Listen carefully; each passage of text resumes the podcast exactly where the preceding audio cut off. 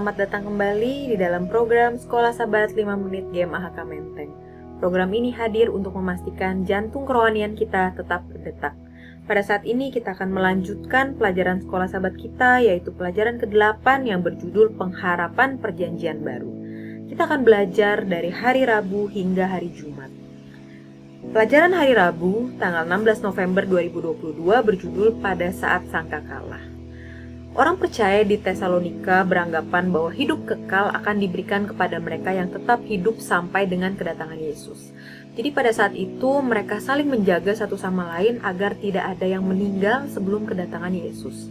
Jadi ketika ada keluarga, kasih, kerabat mereka yang meninggal karena Yesus belum datang, mereka meratapi, mereka sangat sedih seolah-olah itu adalah kali terakhir mereka akan bertemu dengan orang yang mereka kasihi. Rasul Paulus mengoreksi kesalahpahaman orang percaya Tesalonika dengan penjelasan sebagai berikut. Yang pertama, apa yang sangat penting bagi orang percaya adalah hidup dan mati di dalam Tuhan. Mengapa? Bisa kita baca di dalam 1 Tesalonika 4 ayat 16 sampai 17 sebab pada waktu tanda diberi yaitu pada waktu penghulu malaikat berseru dan sangka kala Allah berbunyi maka Tuhan sendiri akan turun dari surga dan mereka yang mati dalam Kristus akan lebih dahulu bangkit. Sesudah itu kita yang hidup yang masih tinggal akan diangkat bersama-sama dengan mereka dalam awan menyongsong Tuhan di angkasa. Demikianlah kita akan selama-lamanya bersama-sama dengan Tuhan.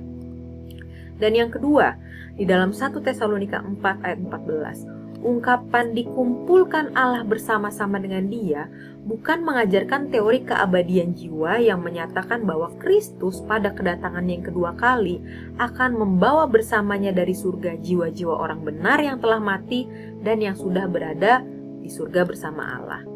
Jiwa-jiwa itu dengan demikian dapat dipersatukan kembali masing-masing dengan tubuh yang sudah dibangkitkan Sebab jika jiwa orang benar yang sudah mati berada dengan Tuhan di surga, Paulus tidak perlu menyebut kebangkitan terakhir sebagai harapan Kristen. Dia bisa saja menyebutkan bahwa orang benar sudah bersama dengan Tuhan. Tapi sebaliknya, Paulus mengatakan mereka yang tidur di dalam Yesus akan dibangkitkan dari kematian pada akhir zaman. Dan yang ketiga, alasan mengapa orang Kristen Tesalonika dapat memiliki harapan ketika mereka berduka atas anggota mereka yang meninggal adalah bahwa Tuhan akan membawa mereka. Yaitu berarti dia akan membangkitkan orang-orang percaya yang telah meninggal ini dan menyebabkan mereka hadir pada saat kedatangan Kristus kembali. Jadi harapan dalam kebangkitan terakhir membawa penghiburan bagi orang-orang Tesalonika yang berduka dan harapan yang sama dapat membantu kita menghadapi dengan percaya diri pada saat-saat menyakitkan ketika cengkeraman dingin kematian merenggut orang yang kita cintai dari kita.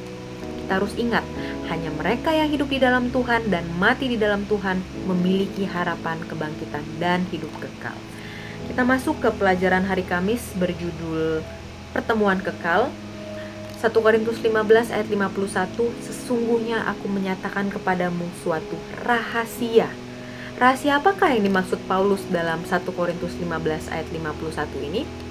Jadi Rasul Paulus menjelaskan tentang perubahan dari orang-orang benar yang hidup untuk bergabung dengan orang-orang benar yang telah dibangkitkan pada kedatangan Kristus yang kedua kali. Ini adalah sebuah pengangkatan, namun ini bukan pengangkatan rahasia seperti yang diajarkan oleh sebagian orang karena sesuai dalam Wahyu 1 ayat 7, kedatangan kedua akan terlihat oleh semua manusia yang hidup. Dan baik kebangkitan orang mati maupun transformasi orang hidup akan terjadi pada saat bunyi sangkakala waktu Kristus kembali. Jadi kedatangan Kristus yang kedua kali akan membawa perjumpaan yang paling menakjubkan yang pernah ada.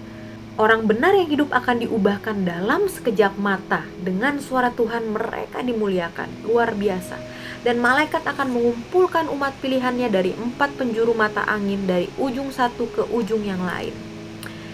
Dan anak-anak kecil akan dibawa oleh malaikat-malaikat suci ke haribaan ibu mereka. Teman-teman yang sudah lama dipisahkan oleh kematian akan dipersatukan. Tidak pernah lagi berpisah dan dengan nyanyian kesukaan naik bersama-sama ke dalam kota Allah. Luar biasa, suatu pertemuan kembali yang belum dapat kita bayangkan pada saat ini dan maut akan kehilangan sengat dan kemenangannya. dosa menyebabkan kematian, ini adalah racun yang mematikan. Tetapi karena kematian Kristus di kayu salib dan kebangkitannya, dia telah memenangkan kemenangan atas dosa dan kematian. Kita memiliki janji yang pasti akan hidup kekal, tubuh yang diubahkan, dosa dan kematian berakhir. Ini semua karena Kristus telah dibangkitkan dari kematian.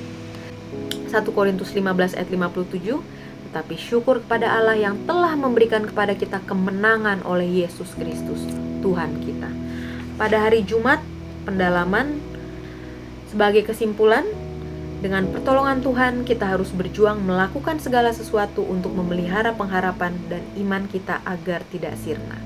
Meskipun telah berabad-abad sejak Yesus naik ke surga, tapi janji kedatangannya tetap menjadi pengharapan kita sampai hari ini. Kita bisa memiliki hidup yang kekal karena kebenaran Yesus yang datang pada kita melalui iman kepadanya. Hanya mereka yang hidup di dalam Tuhan dan mati di dalam Tuhan yang memiliki harapan kebangkitan dan hidup kekal. Kita memiliki janji yang pasti akan hidup kekal, tubuh yang diubahkan, dosa dan kematian yang berakhir ini semua karena Kristus telah dibangkitkan dari kematian. Sekian pelajaran Sekolah Sabat 5 menit kita hari ini. Kiranya Tuhan memberkati kita semua. Sekolah Sabat yang bersahabat, bersemangat, semua terlibat, jangan terlambat.